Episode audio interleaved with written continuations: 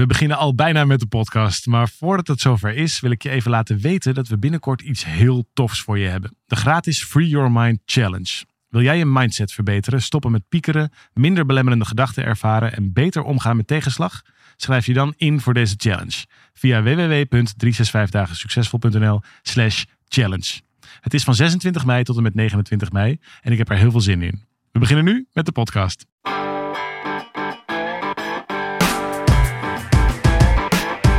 Van harte welkom bij deze podcast van 365 dagen succesvol.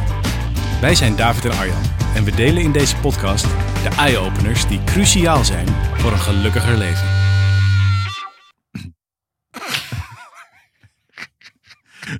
Ja, ben je er klaar voor, Daaf? Zeker, deed je nog even een soort uh, voorkuchje of Ja, zo? ja, een soort ik dacht- ik hoest die geen hoest is. Nou, ik dacht, ik, ik zoek altijd, als we gaan beginnen, zoek ik altijd naar een openingszin die meteen zo zegt van hoi. En Meestal zeg je het gewoon, David, heb je er zin in of zo? David, heb je er zin in? weer een vraag. Ja, hebben we ook. We hebben ook een vraag. Oké, Ja, ja, dus- dacht je, we doen het in dit jaar, gooien we het over de hele andere boek. Nou ja, ik, op het laatste moment dacht ik, ja, dit, deze opening werkt niet. En toen deed ik een of ander stom kuchje. Dat is een heel stom. Maar we zijn begonnen. ja, Zo kun we je ook zijn, nee, ja, daarom. We zijn begonnen. Ik, we zijn begonnen met jouw giechel deze keer. Dat is ook wel eens een keertje leuk, toch? Dat we, we- toch dat je lekker zei de podcast... kun je wat meer lachen in de podcast? Ja. ik heb het gevoel dat ik voor mijn Je doen dus wel neemt heel dat heel serieus. Goed, laten we daarmee Oh, jeetje, terwijl we echt wel... Oké, nou, want ik dacht... Nee, waar ik mee wilde beginnen... was dat we een dikke vette mijlpaal hebben gehaald. We hebben natuurlijk vorige week al stilgestaan bij... dat we een miljoen streams hebben bereikt. Wat natuurlijk leuk is. Maar nu stonden we ook op plek 27 in de lijst met de populairste podcast van Nederland. Het is een soort top 40 lijst voor, Ja. voor Ja, podcast. Wat en ik vind dat dus hoog. Ik had dat, want ik vind onze podcast namelijk best wel vaak.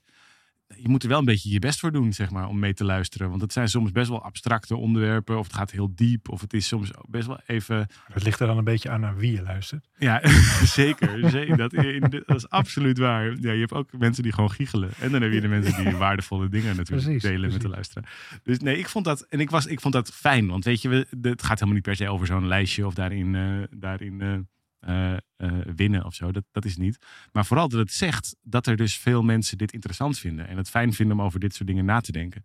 En daardoor, daardoor was ik heel opgetogen van die. eh, van, van Oh, zo. Niet zozeer als een soort van afgezwakte competitie of zo. Maar Nee, nee, nee, nee, nee, nee. Maar dat ik dacht, hé, hey, wat leuk dat dit gesprek Ja. blijkbaar waardevol genoeg is. Ja. dit, dit onderwerp waardevol genoeg is. Dit soort vragen belangrijk genoeg zijn voor veel mensen om tijd aan te besteden. Om wekelijks eh, of twee wekelijks Ja, aan of te die- luisteren. Of die andere 26 podcasts, die hadden gewoon geen uitzendingen tussen kerst en Ja, oud en nieuw. kan natuurlijk ook. Zoiets kan het ook zijn. Nee, maar het is leuk. Kun je alles wel ik- wegmaken. Ik, ben, het, ben het ermee eens dat het... Kijk maar naar de hoeveelheid vragen die we binnenkrijgen en, en reacties eh, op de podcast. Wat ik begreep. En dat, dat is tof. ja, toch? Ja, dat is echt heel tof, ja. Dus laten we vooral eh, daarmee doorgaan. Ja, leuk. Ja, ik had een paar, Leonie had een paar van die dingen op een rijtje gezet die, eh, die de moeite waard waren om even te delen. Dat de meest beluisterde podcast van de afgelopen weken, van de hele kerst- en nieuwjaarperiode. Wanneer zet je een punt achter je relatie? Soort van einde van het jaar. Ja. Nou, weet je wat, nu toch bezig Niet alleen het einde van het jaar. ja, de eh, dus dat er veel mensen zijn die waarschijnlijk niet alleen de kerstboom hebben opgeruimd, maar meteen wat meer spullen hebben ingepakt. Ja. Ja, het zou kunnen. Sommige dingen kun je gewoon aan de weg zetten, ja.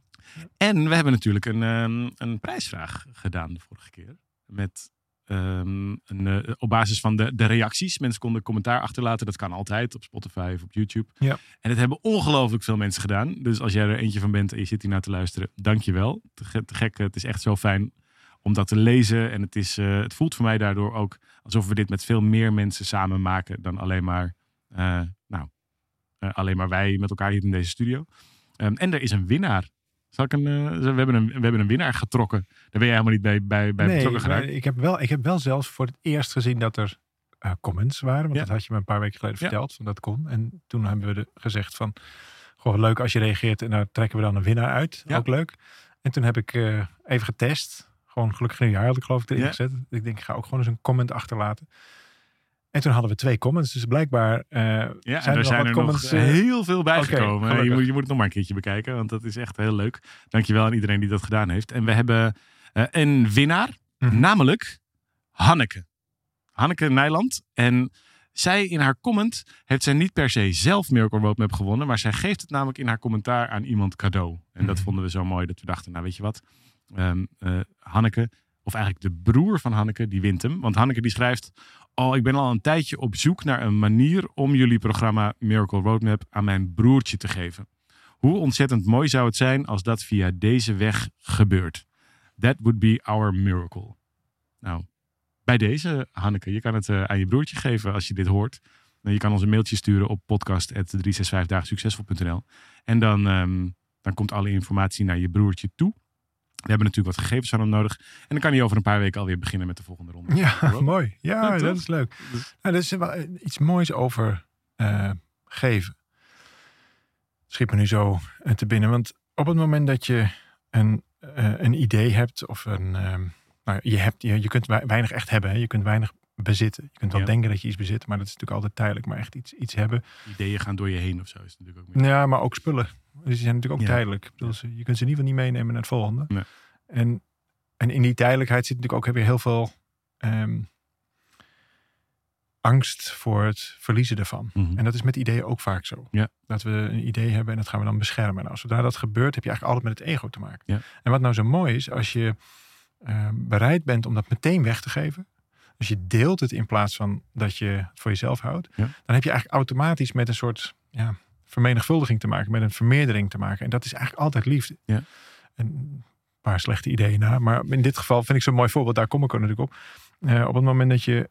je wij, wij, geven vanuit uh, nou, ons enthousiasme over het programma. En we vonden het mooi om zo het jaar te beginnen enzovoort. Dan geven we een keer zoiets weg. Nou, hartstikke leuk. Ik vind eigenlijk dat we dat vaker moeten doen. Uh, maar daar, daar begon het. Zo, Ja. Nou, gaan we, iets, gaan we iets geven. Te gek. Want waarom zou je het voor jezelf houden? Super tof. Nou, daar wordt op gereageerd. Ook leuk. En vervolgens is de reactie om dat meteen weer door te geven. Ja.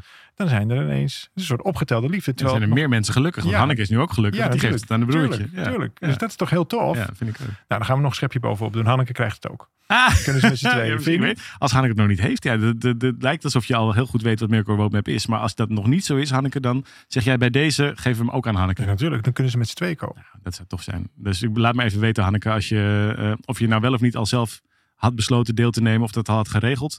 Dan bij deze krijg je jouw deelname ook van ons. Dus een cadeautje voor Hanneke en haar broertje op basis van deze Dan hebben we dat in ieder geval meteen ook onderstreept. Vind? Leuk. Ja, ik vind Volgens mij zit eh, in geven, in de kwaliteit van geven, dat is denk ik een enorme onderschatte eh, waarde. Het is steeds meer, als je kijkt naar, ook naar de samenleving, steeds meer verindividualiseerd. mhm. We hebben er wel eens een boekje over geschreven. En dat, dat, nou goed, dat heeft eh, een aantal politieke oorzaken. Dat, heeft een, een, een, een- dat zit er voor een deel ook in het onderwijssysteem. Maar daar kunnen we meteen ook iets tegenover stellen. Ja. En dat is zo praktisch als wat we net hebben laten zien. Nou ja, het komt omdat we in het idee leven dat als je iets geeft, dat je dan zelf wat kwijtraakt. Exact. En dat is het grote misverstand. Dat op het, wat, al- ik denk dat heel erg gaat helpen dat je op het moment dat je gaat zien dat als je wat geeft, dat je dan zelf ook wat wint op datzelfde moment. Dat dat namelijk bij je blijft eigenlijk. Het is alleen getransformeerd in, een, in iets anders, in een goed gevoel of in een, eh, een fijne ervaring of in een betere relatie of in, nou, noem, maar op wat het is. Een les. En daardoor kun je het dus ook niet kwijtraken. Zoals je dus in, eh, als je hier zo naar kijkt, zo kun je eigenlijk de liefde nooit kwijtraken. En Ja. als je het wel Ja. denkt kwijt te zijn geraakt, dan was het helemaal geen liefde. Dus dan, want dan is het Nee, liefde kan hooguit van vorm veranderen. Het verandert de hele tijd van Ja, vorm. Sterker nog, liefde heeft eigenlijk helemaal geen vorm. Nee. We kunnen het misschien tijdelijk waarnemen in een gebaar of een geschenk of nou zoiets wat er net plaatsvindt. Maar de werkelijke liefde daarvan, bij, bij Hanneke, Ja. heb ik dat goed onthouden? Hanneke? Eh, Daar is de liefde niet minder geworden toen ze hem doorgaf aan haar broer. Nee. Is alleen maar meer geworden, Ja. denk ik. Bij die broer, hetzelfde verhaal. Dus die, die, die, die heeft hem En gekregen. dan moeten ze nog beginnen aan Milko Roadmap. moeten Kan je beginnen. Dus dat, is, allemaal- dat, is, dat zit in de vorm, maar in de liefde zelf. Dus als je dat kunt zien als twee verschillende dingen. Ja. Dus de, de vorm en de inhoud uit elkaar kan houden. Dan zie je ineens, hé, wacht even, wat is tijdelijk? Dat is altijd in de vorm. Ja. En wat is voor eeuwig? Hé, dat is eigenlijk De liefde. die vorm van liefde. Maar dan, dan hebben we het wel over die vorm van liefde. Dus niet, niet die, ehm, de tijdelijke ruil. Want dat, daar wordt het vaak mee, Ja, mee Dat zou je ook geen, geen liefde kunnen noemen. natuurlijk. Nee, dat ik denk wel dat we een heel ehm, nou, verkeerd beeld is ook eens een oordeel. Maar ik denk dat, dat er over de definitie van liefde dat er nog wel nodige gesprekken nodig zijn. Maar Ja. misschien komen we daar nog op. Nou ja, wie weet past dat heel goed bij, het- bij de vraag die we deze week behandelen. Oké. Ehm, maar als je die twee uit elkaar kunt houden, Ja. dan. Wat zit je net? Je weet de vraag al. Dat maakt Ik weet de vraag al, ja, nee, nou zeker. Ja. de, de, als je die uit elkaar kan houden, en dan, dan kan die werkelijke liefde zich vermenigvuldigen. Ja. En dan pas gaat het over echtheid. Dit is volgens mij wat we allemaal in de diepte eh, willen, zoeken, erkennen, ook herkennen. En dan voel je dus ook dat het klopt. Dat vind ik altijd zo mooi. het klopt. Het hart, dat Mhm. klopt. En op het moment dat je dat hart voelt, die energie voelt, dan heb je volgens mij de, de tijdelijke ik-staat, heb je, eh, ben je voorbij gegaan. Je Maar, verlaten. maar dat, ik probeer er een beetje over verder te denken. Dat, dat vraagt namelijk dat je loslaat wat je denkt dat liefde is. Dus je hebt eigenlijk de vorm. Mhm. En wat er volgens mij gebeurt is dat veel mensen, dat heb ik zelf ook moeten leren, dat je, dat je liefde gelijk zet aan de vorm die het heeft. En op het moment dat dan de vorm verandert, ervaar je dus dat er dan geen liefde meer is. Maar als, de, als, de, als je ziet, hey, vorm en liefde is niet hetzelfde, maar de vorm die het heeft is één van de uitingen van liefde, dan ineens kun je zien dat de liefde blijft, ook als de vorm verandert. En raak je dus niet meer gehecht aan de vorm. Snap je wat ik bedoel? Hoe meer je gehecht bent aan de vorm, hoe minder liefde er ja, zal zijn. exact. Ja. En het gekke is zelfs dat, ehm, dit gaan sommige mensen misschien heel vreemd vinden, eh, maar als er bijvoorbeeld eh, ruzie is, Ja. er is een eh, stel wat ruzie heeft, maakt niet zo uit, maar er is ergens een conflict, zou je kunnen zeggen dat het eigenlijk een, een, een, een ruzie is over de vorm en Mhm. pijn zit hem dus in de verloren liefde. Ja. En dan, heb je, dan, heb dan kun je dus ook weer teruggaan. Hé, wacht even, was dit eigenlijk liefde? En eigenlijk als je op een nog dieper niveau ehm, kijkt of voelt, en zo staat het ook mooi in de cursus in wonderen, en zo leggen we het ook uit in Miracle Roadmap, is eigenlijk alles is liefde of een schreeuw om liefde. Ja. Alles is liefde of een roep om liefde. En als je er zo naar kan kijken, dan is het zoveel relaxter. Dan heb Ja. je dus een gedoe over de vorm. Oké, Ja. maar dat staat dus helemaal, helemaal buiten de liefdesvraag. Ja. En dan kun je best wel snel ook stoppen met, het, met de lelijkheid van, van het conflict. En Word je ook minder eenzaam in het conflict? Helemaal niet. Want Nee. je weet, oké, hier zijn eigenlijk hier wil liefde plaatsvinden. Alleen we hebben nog een vorm te vinden die daar dan nu bij past. Ja. Want wat je vaak ziet, en dat hoor je ook vaak stellen wel zeggen. Ik zou graag weer willen naar het is zoals het vroeger, vroeger was. was. Ja, Ja, ja. dat ik zo, kunnen we weer niet weer terug naar hoe het was? We hadden het zo goed, waarom hebben we het nu niet goed? Ja, omdat we veranderd zijn, omdat de, de situaties anders zijn. Dus zelfs als je weer terug zou kunnen, en moet je je voorstellen dat we bij toverslag dat zo konden, konden fixen. Wordt één grote teleurstelling. Dat wordt één grote teleurstelling. Het hele idee dat het vroeger beter was dan nu is echt... Ik heb toevallig feitenkennis weer eens even gelezen. Oh ja. En dat Oh, is altijd zo, dat is zo'n heerlijke eye-opener. Van, oh ja, wacht even. Het idee dat we terug moeten naar vroeger is echt een heel onhandig. een misverstand, Is echt op een allerlei manieren. Dat moeten we dus helemaal niet En doen. ook in je relatie. Zeker, Ja. natuurlijk. Want Ja. je bent niet meer die persoon en die ander is dat ook niet. Maar als je dus in de diepte kunt ervaren... Oké, wacht even. Hier wil eigenlijk liefde plaatsvinden. Laten we het daar dan eens over hebben. Ja. Dan kun je dus ook de vorm loslaten. En dan kan dus ook betekenen dat je bijvoorbeeld een vriendschap of een relatie of een, een huis of nou, net waar de strijd maar over gaat. Dat die, ja, die vorm laat je mee veranderen. Ja. Maar dat wil helemaal niet zeggen dat de liefde daarmee weg is. Zodra je die aan elkaar koppelt, ja, dan gaat met het huis, als je, dat, als je daar afscheid van neemt, ook de liefde Ja, moet je, dan kom je in een soort kramp, want dan wil je alles Juist. vasthouden de hele Juist, tijd. En dat kan, dat kan helemaal niet. Nee, dan moet je de hele tijd moet je alles, alles proberen te houden bij wat het is. Of in je idee terug naar vroeger. Ja. Dat werkt dus Een soort constant gevecht is. Dat zeiden, weet je dat? Nee. Er waren al filosofen nog voor Socrates, dus al meer dan 2500 jaar geleden. En die zeiden al, je kunt nooit twee keer in dezelfde rivier stappen. Mhm. Dus, dus ga er nou maar vanuit dat alles de hele tijd verandert. En dat je dus hebt mee te bewegen in dat stuk. Het, stroomt allemaal. En daar heb je te zien dat, dat, dus, dat je daar onderdeel van wordt. In plaats van dat je eh, probeert om het alles op, alles op zijn plek te houden. Dan ben je in een constant gevecht beland. Wat je, nou ja, waar je nooit Maar hier heb je het eigenlijk over dat idee wat je niet deelt. Want je hebt een, een idee over hoe het zou moeten zijn. Dat is dan vervolgens anders dan hoe het is. Dat is eigenlijk ook niet te delen. Je Meteen conflict. Dat is de hele tijd een intern conflict. Ja. En ja, dan ben je dus eigenlijk met een illusie bezig. Want je bent met een gedachte bezig die helemaal niet klopt. Maar ja, je, je bent gewoon verder niet bij macht om dat idee verder tot werkelijkheid te krijgen. Of daar nog dieper over na te denken. Zo moet het zijn. Nou, dan heb je jezelf in een hele gekke hoek van het leven eh, geduwd. Die helemaal niet klopt. Goed. We zijn weer lekker luchtig eh, begonnen met eh, deze, deze podcast. Ehm, de, de vraag die we deze keer hebben eh, was een reactie. Iemand die reageerde op in een van de Spotify comments. Je zou ze eens moeten lezen, David. Het is echt heel leuk. Op, ehm, op de podcast die we een tijdje geleden hebben gemaakt. Die ging over of je veel kan verwachten van je partner. En Johanna die vroeg zich toen af over wat onze visie is op andere relatievormen dan alleen de monogame relatie. Daar wil ik zo even met je over hebben. Eh, voor die tijd even een paar korte andere reacties. Denise die reageert over, op diezelfde podcast over mag je veel verwachten van je partner. Wat is dit mooi verwoord? Ik hou heel erg van metaforen. En toch vraag ik me af, als jullie het hebben over die tuin, je relatie is eigenlijk een tuin.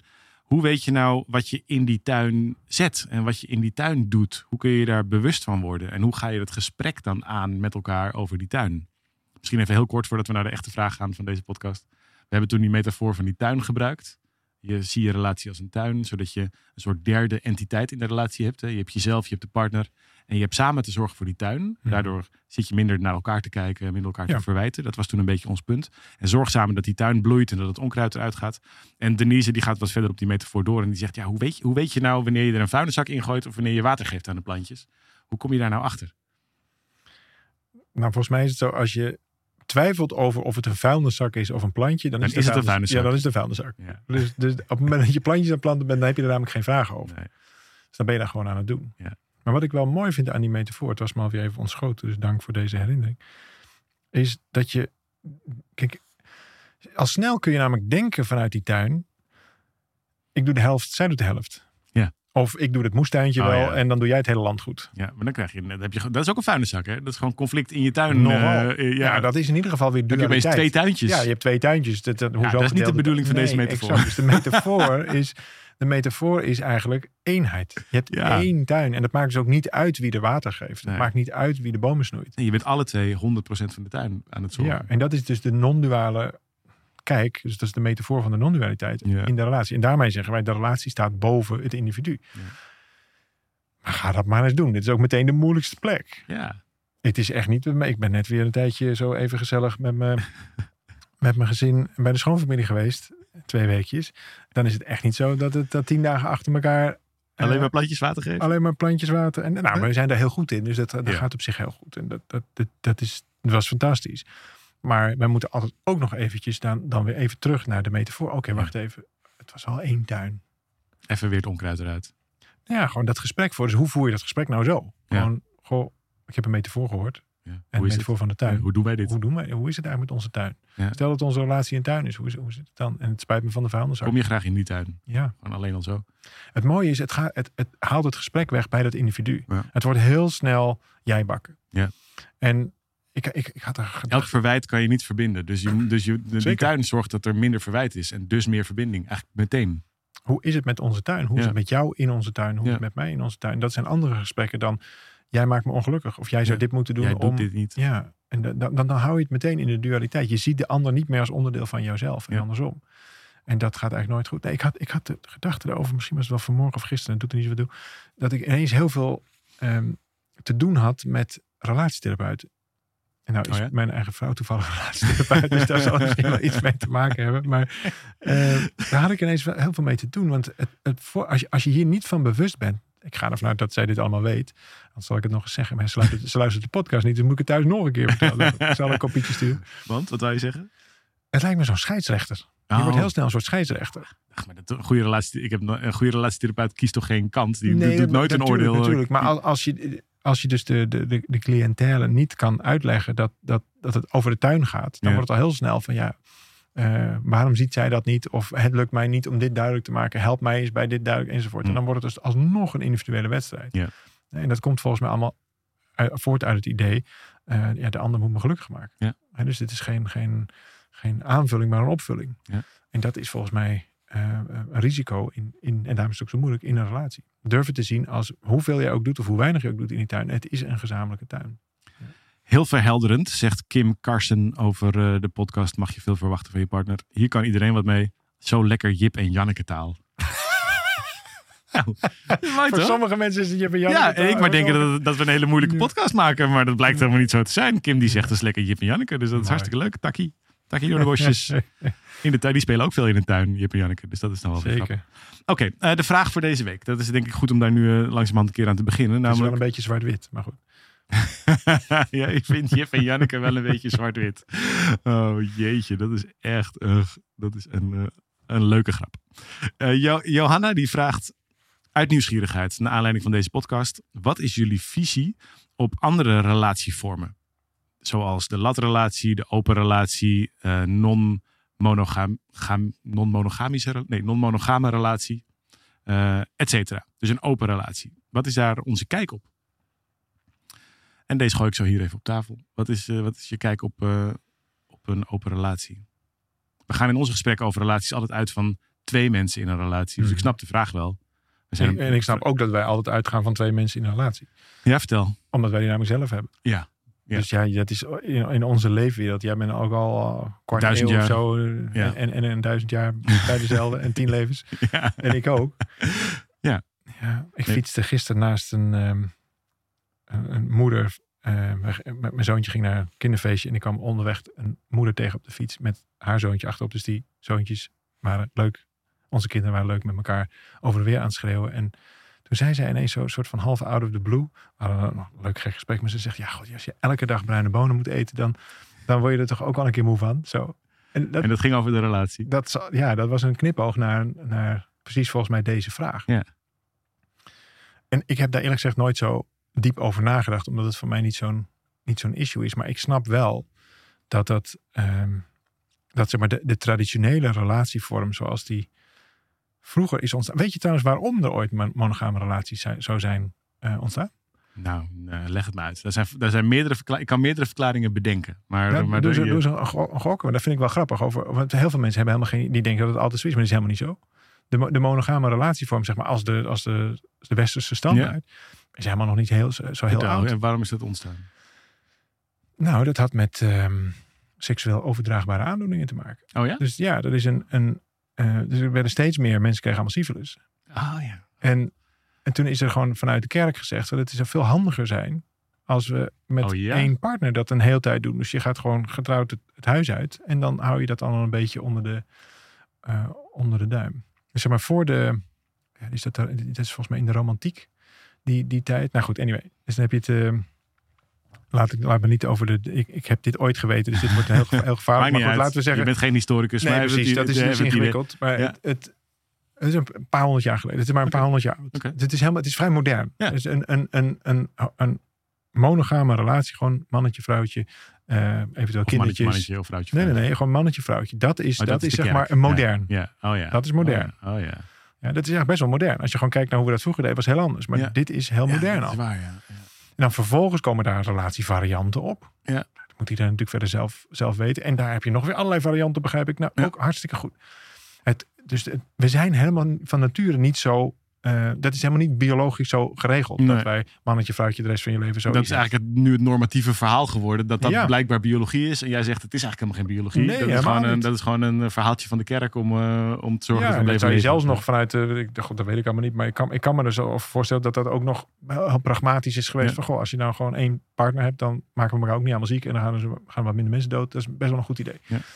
Zoiets. Weet je wat het gekke is met dit onderwerp? Dat ik er dus op verschillende manieren tegelijkertijd over kan denken. Dus als ik Mhm. zeg maar hier wat abstract naar kijk of wat ehm, eh, vanuit eh, ideaal, ide- ideologie naar kijk, dan denk Ja. ik ja, dat is fantastisch. Je zou gewoon, liefde is liefde en liefde kan ook niet op.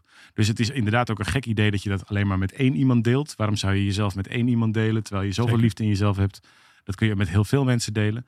Ehm, en in dat opzicht snap ik dat ook heel goed. Ik snap die zoektocht ook heel goed. En ik snap ook heel goed het verlangen om dat met verschillende mensen te onderzoeken. Eh, dus dat is op het, het ideële niveau. Van al- in, als we Mhm. zouden leven in een wereld waarin er niet zo krampachtig wordt gedaan over monogamie, dan denk ik dat er veel minder eenzaamheid, veel minder pijn, veel minder verraad, veel minder. eh, je bedoelt, het gebeurt anders toch wel, alleen dan gebeurt het stiekem. ja, nu, zie je dat zie je toch in heel veel relaties. Zeker, Ja, Dat is het één op de twee stellen, daar speelt een affaire. Of de, dus dat, daar is heel veel altijd aan de hand. Ik denk, nou, als, je dat, als je dat opengooit, dan denk ik dat er meer vrede zou zijn in de wereld. Dat er meer liefde Mhm. is, dat er meer. Omdat het eerlijker is of zo. omdat het eerlijker is, omdat het, open, omdat het recht doet Ja, aan liefde. ja, liefde wil groter worden, wil zich vermenigvuldigen. Dus volgens mij is dat geweldig.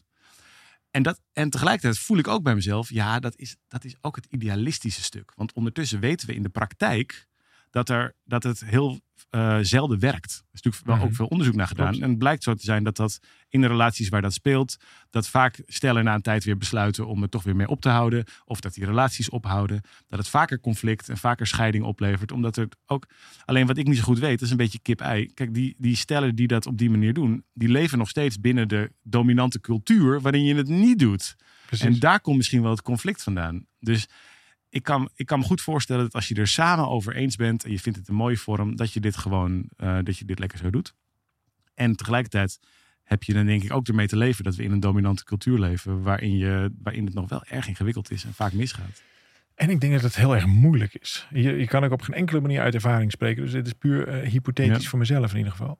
Maar ik kan me zo voorstellen dat je in relaties door bepaalde thresholds springt. Je gaat door bepaalde fases. En dat zit, ja, dat zit natuurlijk na een paar maanden of na, na een jaar of iets. Dan is de verliefde fase voorbij. En dan, je- krijg je de volgende fase. Een beetje de fase van hoe doen wij het hier. Dan ga je misschien nog eens een keer samenwonen. Vervolgens is er nog eh, wellicht een gezin of whatever. Je krijgt dat soort uitdagingen in je, in je relatie. Nou, dat zijn allemaal van die hoepels waar je doorheen springt. Ja. Ik kan me zo voorstellen dat je behoorlijk wat hoepels met elkaar doorgesprongen moet hebben. Wil dit op een veilige manier voor beide prettig kunnen. Ja. Ik kan me nog wel voorstellen als de een zegt ik heb gewoon meer behoefte. En die ander zegt nou prima doe je ding maar. Dat dat, ah, dat is zo, het is zo plat. Het wordt heel snel heel plat. Kan wel, maar het zou kunnen. Maar als je allebei zoiets hebt vanaf het begin. Joh, zo zijn wij nou eenmaal. Ja. Nou zou het misschien wel eens heel goed kunnen werken. Ja. Ik denk alleen dat dat niet zo heel veel mensen zijn.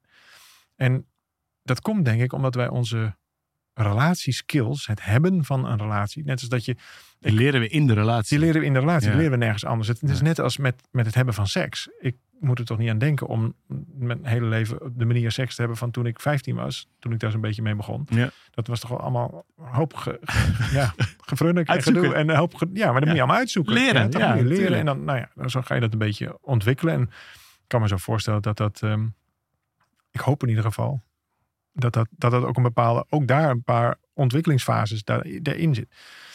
Dus dat zal in een relatie ook zo zijn. En dat is volgens mij gek dat je. ehm, wij- ontwikkelen dat eigenlijk niet alleen maar door het te doen. Terwijl voor. Het, het is misschien wel het belangrijkste uit je leven. Hè, voor, je, voor je autorijbewijs. eh, ja, dan moet je eerst allerlei examen Ja. doen en dan mag je nog een keer de weg op. Maar hier is het. Nou ja, Ja, puzzel maar raak. Maak er Zoek, maar uit. En, en wanneer wordt er nou eigenlijk. Nou, laat ik voor mezelf spreken. Maar wanneer heb ik nou echt iets geleerd over relaties? Niet nadat we er een boek over hadden geschreven. Nee. Niet nadat ik er van alles over had gelezen. Maar Op de toen, momenten dat het moeilijk was. toen ik naar de relatietherapeut ging. Ja. Toen pas werd ik eigenlijk onderwezen. Ja. Omdat het weten namelijk alleen niet genoeg is. Dus het onder, onderwijzen is niet alleen maar het overdragen van kennis. Maar het, het samenbrengen is- met die ervaring. Dat is wel een ding nog met, met volgens mij, als je een niet-monogame relatievorm kiest. Kijk, het hangt heel erg van het motief af. Op het moment dat je op zoek bent naar een soort directe behoeftebevrediging, om daarmee in je relatie niet op zoek te gaan naar een diepere verbinding of een nieuwe vorm te vinden met elkaar, waarin je Mhm. opnieuw verbonden bent, dan denk ik dat het ook een manier is om te vluchten. En dat het dus uiteindelijk helemaal niet goed is voor je relatie en ook niet goed is voor je eigen ontwikkeling. Dat je er minder van leert. Er zijn, zijn namelijk heel veel momenten in een relatie dat het even niet zo makkelijk gaat samen. En als je een primaire reflex dan is om, te, om dat dan maar even ergens anders te zoeken, dan, dan ga je dat dus ook nooit maken. Dan vind je ook samen nooit die vorm. Dus de, de, Ja. de- op het moment dat je het gewoon samen over eens bent en dat je wel die ontwikkeling in die relatie maakt, dan is het denk ik hartstikke fijn. Maar als je, als je niet monogamie gebruikt om in je relatie niet de moeilijkheid hoeven aan te kijken, of niet op een dieper niveau met je partner opnieuw te verbinden, omdat je elke keer het buiten de deur zoekt, ja, die vraag denk kun je jezelf stellen. dan blijf je op een soort ja, kleuterschoolniveau relatie hebben. In plaats van. je blijft van aan het begin. Ja, je je blijft. blijft altijd aan het begin. En als en dat dan doel je jezelf ook veel. Daar mis je ook dat heel veel mee. Dat denk ik, ja. denk ik. Dus dat geldt natuurlijk niet voor iedereen. Dit is heel erg Ja, maar je kunt jezelf, bij, bij- maar dat kan bij heel veel keuzes natuurlijk, kun je jezelf de vraag stellen, voegt dit iets toe? Ja, Dus voegt het iets toe aan de tuin, aan de tuin die je gezamenlijk hebt? Nou, als jij een tuin met z'n tienen wil hebben, dan heb je een tuin met z'n tienen. Maar voegt het iets toe aan die tuin? Of haalt dat stiekem jouw gedrag, of het gedrag van de ander, iets bij de ander weg? Ja. En als dat zo is, of dus uit de tuin weg, kaap je een stukje tuin of gaat daar een hekje omheen, maar dit is van mij en dit, dit heb ik zelf. Ja, ik geloof daar niet zo in, omdat dat in de diepte niks met liefde te maken heeft. Maar als dit. En Ook hier zie je eigenlijk, het is een vorm. Dus Ja. Er wordt al gezegd, een relatievorm. Hoe denken jullie over deze relatievorm? ja, Elke vorm is tijdelijk, dus ook die vorm is tijdelijk. Net als het huwelijk ook tijdelijk is. altijd. Alleen de liefde niet. Dus je kunt je elke keer afvragen, nou is die toch nog wel grappig rond, kun je afvragen, draagt dit nou bij? Is dit, is dit werkelijk liefde? Ja. En dus dat zeggen wij, of wij schreven het volgens mij in een van onze eerste boeken, is het een aanvulling of een opvulling? En ik denk dat in heel veel gevallen, in ieder geval zo zou het voor mij zijn, is een opvulling. Is het een bepaalde leegte of iets waar ik niet gezien word? Of, nou, dat ga ik dan compenseren. Nou, ik ben wel heel blij dat ik in mijn leven niet meer zoveel bezig hoef met compenseren. Omdat dat uiteindelijk jou niet... Het, het is een, een tijdelijke verzachting van de pijn, maar ja. in de diepte voedt dat niet. Nee. Nee. Goed, thanks. Nou, eh, Johanna, daar moet je het even mee doen. Dat gaat nog wat eh, alle Ja, wij kanten zijn op. hier maar- duidelijk geen expert. Maar dus, nou, eh, ja, misschien, dat, misschien eh, we hebben nog een week voor de volgende podcast. Kunnen we even, kunnen we vast even nadenken. oh, nadenken. Oh, sorry. Ja, ik had iets heel anders in mijn hoofd. Ja, dat kan natuurlijk ook. We kunnen ook nadenken. we kunnen ook even nadenken. Even Als laatste, voordat we deze afsluiten, hadden we hier nog een vraag gekregen van eh Dorachten. Nou, iemand met een codenaam. Lieve heren en Team 365. Ik wil nog één ding weten voordat jullie ophangen. Ehm, gaan jullie dit jaar nog zoiets doen als je beste jaar ooit? Je hebt vorig jaar daar natuurlijk een super fantastisch seminar over gegeven in, um, in ja. Veenendaal. Eh, gaan jullie dit jaar nog zoiets doen? Please, staat er met een vraagteken achter. En ik dacht, nou, nu ben ik nog op tijd. Daarom meld ik het nog even in deze podcast.